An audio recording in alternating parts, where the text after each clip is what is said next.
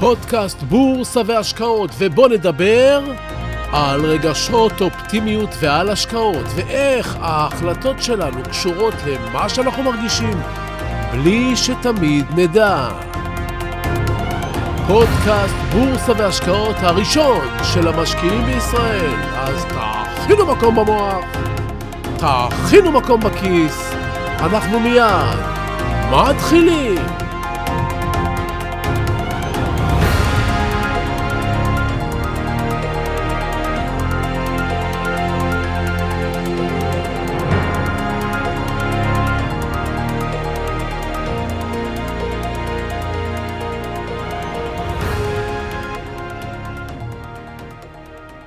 כשניסים משאל כתב ערוץ אחד ותיק, היה בחור צעיר ועיתונאי מתחיל, הוא רצה לגשת למשה דיין במזנון הכנסת ולראיין אותו.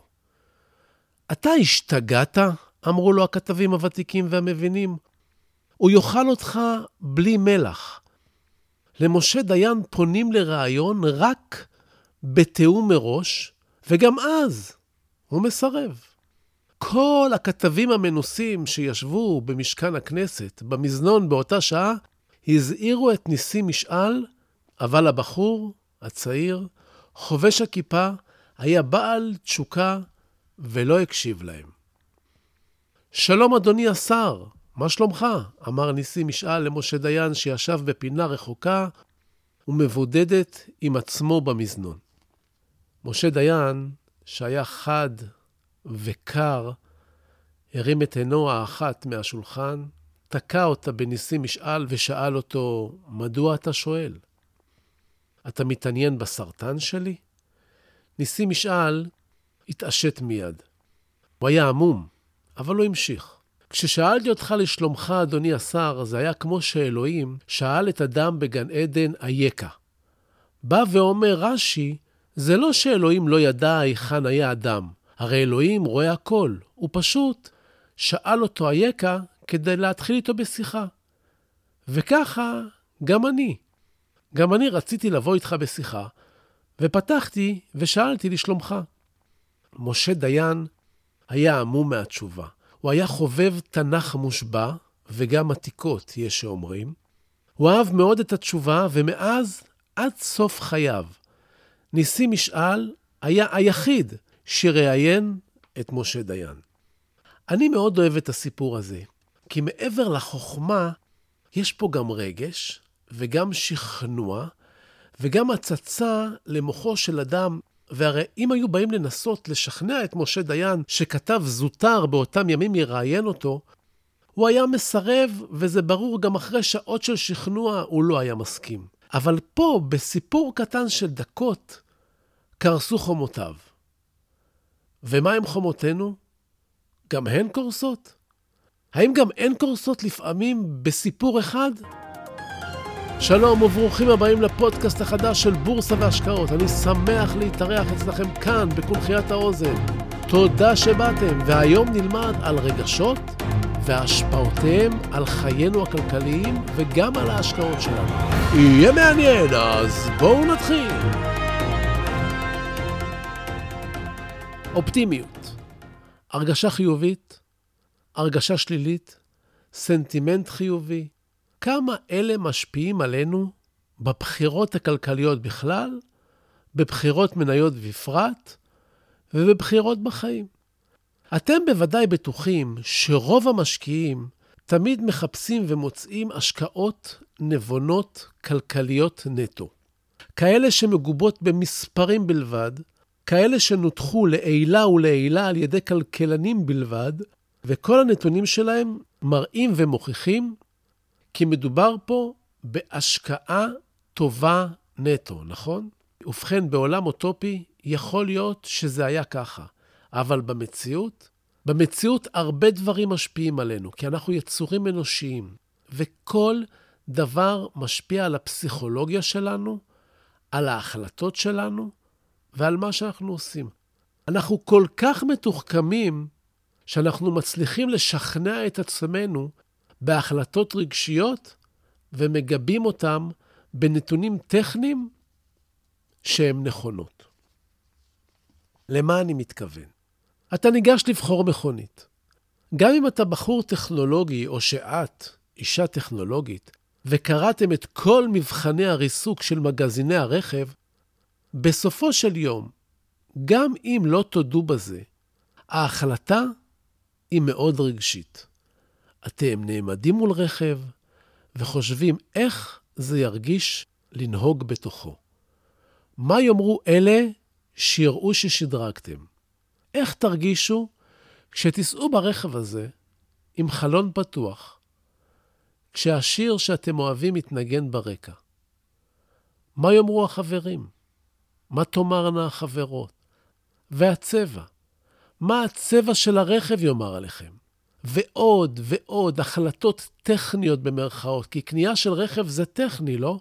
קופסה שלוקחת אותנו מפה לשם, זה כל הסיפור. ואחרי שהחלטתם בתוככם, בלי לערב כמובן איש במחשבתכם הסודיות, האולי ריקניות, על הדגם שמרגש אתכם בהתאם ליכולת הכספית, אתם עשויים גם לאסוף מתוך נתוני הרכב הקיימים עוד כמה נתונים שעשויים לחזק ולנעול את החלטתכם ולהסביר לכולם מדוע בחרתם דווקא בדגם המוצלח והבטיחותי והחסכוני הזה. תתחדשו. טוב, תגיד, אולי אתה צודק, אבל בדרך כלל תהליך קבלת ההחלטות שלנו הוא נקי וכלכלי משיקולים זרים. באמת? מה תגידו אם אני אספר לכם שבימי שמש, למשל, אנשים קונים הרבה יותר מימים מעוננים? זה גם כלכלי. ובכן, לא. ימי אור שמשיים משפיעים עלינו ישירות, על מצב הרוח שלנו, על השמחה שלנו ועל הרצון שלנו להתחדש. לעומת ימים אפרוריים. טוב, תגידו, שמש אולי כן, היא עושה מצב רוח ומכונית, זה גם קטע של fun, אבל בשאר, בשאר ההחלטות שלנו הן נטו כלכליות. אז אני אומר לכם, לא. אתם רוצים עוד דוגמה? בבקשה. נאמר שהתקציב שלכם לרכישת דירה עומד על 2 מיליון שקלים. ישבתם בבית וחישבתם שבתקציב של 2 מיליון שקלים תוכלו לקנות דירת ארבעה חדרים בצורה כזו שתיקחו משכנתה עם החזר חודשי של 4,000 ש"ח, מה שישאיר בידיכם מספיק כסף לחיות את החיים שאתם רוצים. בלי לחצים, עם נסיעות לחו"ל, קניות, בילויים, מסעדות, הכל. עשיתם טבלאות והחלטתם שזה המספר. החזר חודשי של משכנתה בגובה של 4,000 ש"ח, בתוספת הסכום שיש לכם בבנק, ואתם קונים דירה ב-2 מיליון שקלים. למרות שאתם יכולים גם לקחת הלוואות עם החזר של 6,000 שקלים אם תרצו, אבל לא. אתם שקולים, מחושבים, ממוקדים, והטבלאות אקסל שעשיתם אומרים שמבחינה כלכלית זה הדבר שנכון לעשות. זה גם מה שאמר היועץ הכלכלי שלכם. דיברתם עם בני משפחה, דיברתם עם חברים שמבינים, ואתם מבינים שזו החלטה כלכלית נבונה. ככה עושים את זה נכון. השלב הבא הוא חיפוש דירה. אתם קובעים עם מתווך טוב ומתחילים לראות דירות עד הסכומים שקבעתם. ראיתם כמה דירות, שבוע, שבועיים, חודש, ואז יום אחד, אחר הצהריים, כשראיתם עוד דירה נחמדה, המתווך שלכם אומר, אם יש לכם זמן, יש לי כאן ברחוב המקביל, מול הים, דירה מעניינת. היא אמנם גבוהה מהתקציב שלכם, אבל בואו רק נציץ, יש לי מפתח, היא ריקה. אתם מביטים זה בזו, ואומרים, יאללה, בואו נראה, אנחנו כבר פה. אחרי כמה דקות, אתם נכנסים לבניין בוטיק מול הים. שתי דירות בקומה, שתי מעליות חרישיות שעובדות סימולטנית. הלובי של הבניין נקי, מתוקתק וריחני. אתם נכנסים לדירה מרוצפת בשיש בוהק, ומולכם, כבר מהדלת, נפרס ים כחול ויפה. השמש בשעה הזו כבר מתחילה לזלוג לכיוון השקיעה, כמו באיזשהו שנסון צרפתי. המתווך פותח את החלון, והריח המלוח מתארח אצלכם בנחיריים, עם בריזה של ים שמלטפת אתכם כאילו אתם שייכים לפה כבר. ובאותו הרגע ממש, כל טבלאות האקסל שלכם הופכים להיות לגוש נייר חסר משמעות. ולמרות שאתם צריכים להוסיף עוד 6,000 שקלים למשכנתה ולא 4,000, ולהצטמצם קצת בעתיד, ולהתארגן על עוד קצת כסף למס רכישה ולמתווך, ההצעות של היועץ הכלכלי כבר לא ממש מעניינות אתכם. כל מי שאומר לכם שהוא נגד הדירה הזו, כולל החברים היועצים שלכם שעד עכשיו היו חכמים ומבינים, מעכשיו הם רק קנאים. אתם בטוחים. וככה, אתם מוצאים את עצמכם פורקים את הקרטונים מול הים, מרוצים, מחייכים, העולם נראה יפה. כלכלה, כן? הכל זה החלטות כלכליות. אוקיי, אוקיי, תגידו, אז בסדר. אז אולי יש ימים או דגמים או מוצרים מסוימים שגורמים לנו קצת לשנות הרגלים, או דירה מול הים, זה באמת משהו אחר. אבל מה זה קשור להשקעות בבורסה? או-הו, כמה שזה קשור. הכל קשור. ההחלטות שלנו להשקיע במניות של חברות מגיעות הרבה פעמים מאותן מערכות החלטה של ההחלטות האחרות בחיינו. אני יכול להביא לכם דוגמאות רבות מחיי היום-יום שלכם לגבי ההתנהלות הכלכלית שלכם, שנובעת בסופו של דבר מהחלטות אמוציונליות בתחפושת. אתם מוכרים מניה בהפסד, אתם מפתחים כלפי הרגש שלילי, וסביר להניח שלא תקנו אותה שוב. אתם מוכרים מניה ברווח, יש סיכוי לא רע שבשלב מסוים אתם תקנו אותה שוב. בפועל, יכול להיות שזה יהיה נכון כלכלית בדיוק לעשות ההפך, אבל הרגש שנצרב לכם מהרווח וההפסד באותה חוויית השקעה, הוא זה שנותן את הטון. חברות סקסיות כמו טסלה, אפל, נטפליקס, ספוטיפיי, קונות לעצמן קהל של מאמינים שהולכים אחריהן. אולי יהיו בסביבה מניות של חברות שכלכלית הן תהיינה על הנייר הרבה יותר כדאיות להשקעה, אבל הן לא מעוררות את התשוקה. אין להן את הסקס אפיל של עולם ההשקעות, הן יעניינו פחות את המשקיעים, התשואות לא יהיו אותו דבר. שוב, הרגש. שמות של מניות אפילו הן משפיעות על משקיעים. תחשבו על שמות של מניות שאתם מכירים. כולן קלות להגייה. אפל, גוגל, פייסבוק, טסלה, טבע, בזק, וויקס. ברגע שהשם קשה לכם או לא מצלצל לכם, עד כמה שזה נשמע מוזר, אתם לא זוכרים אותו, אתם לא משקיעים בו. ברגע שהשם מצלצל, לפעמים הרגש מתחבר. נוצר קשר שמביא זיכרון, שמביא התעניינות ומעקב, ולעיתים השקעה. ואני יכול להביא עוד דוגמאות רבות על תנאים משופרים שיכולים לקבל אנשים יפים, לעומת אנשים שנראים פחות טוב. כאשר לשני הצדדים יש את אותם נתונים כלכליים, בבואם לקבל הלוואה, או לסגור עסקה, או לקבל תנאים מיוחדים ברכישת רכב. אז מה אתה אומר בעצם, אתם שואלים? אני אומר, כלכלה זה טוב, אבל על האדם משפיעים עוד כמה דברים. אנחנו נוטים לפעמים להיות אופטימיים יותר ומציאותיים פחות, כשהתנאים עליהם דיברנו מתקיימים. שימו לב לטראמפ. הוא מקדם אופטימיזם ומעלה את השווקים. הוא משתיק כל מי שיכול לתת נתונים ריאליים כדי לא להפריע לחגיגה. שימו לב לזה. תחשבו איך אפשר לנצל מצבים כאלה. שימו לב לחברות שאנשים אוהבים. שימו לב למותגים שאנשים אוהבים. שימו לב מי מייצג את החברות האלה. קחו את טסלה, היא סקסית, המוצר של הסקסי, המכונית נראית נהדר, הבעלים של החברה, אילון מאסק, הוא אחד האנשים הגאונים בעולם, הוא מוכשר, הוא מוצלח, הוא נראה טוב, והמניה עפה בלי קשר לכלכלה. עד מתי? אני לא יודע. אבל כרגע זה עובד. קחו את המוצרים של אפל.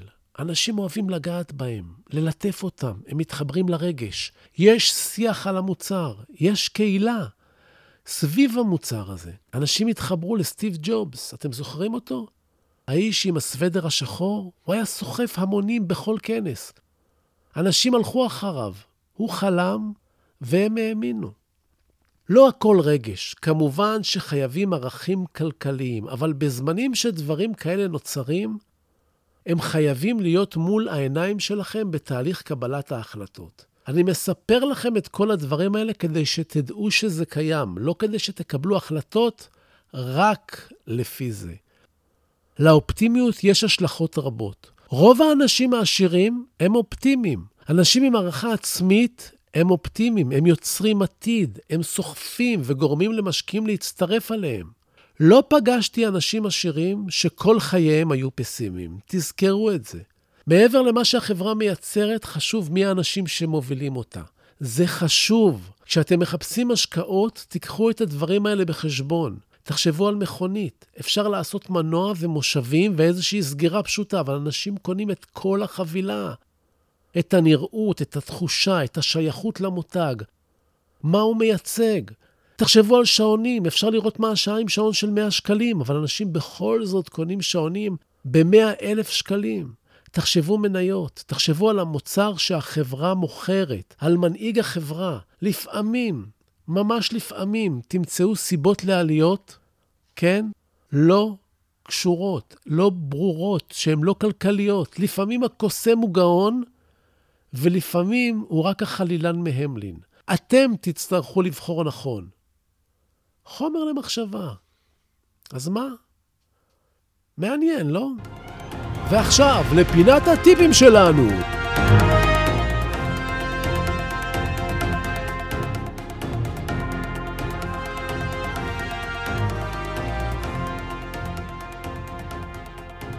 והיום בפינת הטיפים שלנו אני אספר לכם סוד קטן שלי. כאשר אני רוצה לעקוב אחרי חברות צה"ל או אחרי מניה מעניינת, שהיא לא לקנייה עכשיו, היא למעקב צמוד או קנייה עתידית, אני קונה לתיק שלי כמות קטנה. ברגע שאותה השקעה מצויה בתיק שלי, אני עוקב אחריה ממש מקרוב כל יום. לא פעם אנחנו מקבלים רעיונות השקעה וזונחים אותם, או שוכחים אותם. לפעמים טוב ששכחנו, אבל לפעמים חבל. כשאתם מרגישים שיש לכם משהו חם ומעניין, תחשבו לצרף ממנו מעט לתיק ההשקעות. דגימה לדוגמה ומעקב. וזה נכון שלרובכם יש תיקים וירטואליים של מניות למעקב, אבל זה לא אותו דבר. אני רק אומר שאם מצאתם דובדבן של ממש, תטעמו. ובסיום, אני שב ומציין כי אין במה שאני אומר המלצה מקצועית או ייעוץ מקצועי. את אלה תמיד כדאי לקבל מיועץ מוסמך עם רישיון. לי אין. אני רק משתף אתכם בדברים שאני חושב. אז זהו לנו להיום. אני מקווה מאוד שנהניתם והשכלתם והרגשתם. תודה על התגובות החמות, תודה על השיתופים. תמשיכו להפיץ וככה נגדל ביחד. עד לפגישה הבאה שלנו אתם מוזמנים לשמור איתי על קשר. אתם כבר יודעים, דרך אתר האינטרנט שלי, סודות, סודות co.il. לשלוח לי מייל, אני עונה, ואני מקבל המון מכם. תודה, אני עונה לכל אחד ואחד, אין אחד שיאמר שלא. זביקה, Z-V-I-K-A, כרוכית, סודות, נקודה co, נקודה il. אני נמצא גם בפייסבוק, תחת השם צביקה ברגמן בעברית. תעקבו, תשאלו לי שאלות, אני עונה. תעקבו אחריי באינסטגרם, סודות, קו תחתון, בורסה באנגלית. תגיבו, תשאלו, תעלו נושאים, אני חוזר לכל אחד ואחד. אני מבקש, סמנו שאהבתם, תשלחו את הפודקאסט לעוד כמה חברים, ככה נגדל ביחד. אני רוצה עוד מאזינים, תעשו השתדלות בשבילי, תפיצו, תודה רבה שהאזנתם לי. אל תשכחו להירשם לקבלת עדכונים באפליקציה שאתם מאזינים דרכה, ככה בכל פעם שיעלה פרק תקבלו עוד הודעה. אז שיהיה לכם בשורות טובות. אני צביקה ברגמן, הלוואי שתתקשרו ואנחנו ניפגש בקרוב.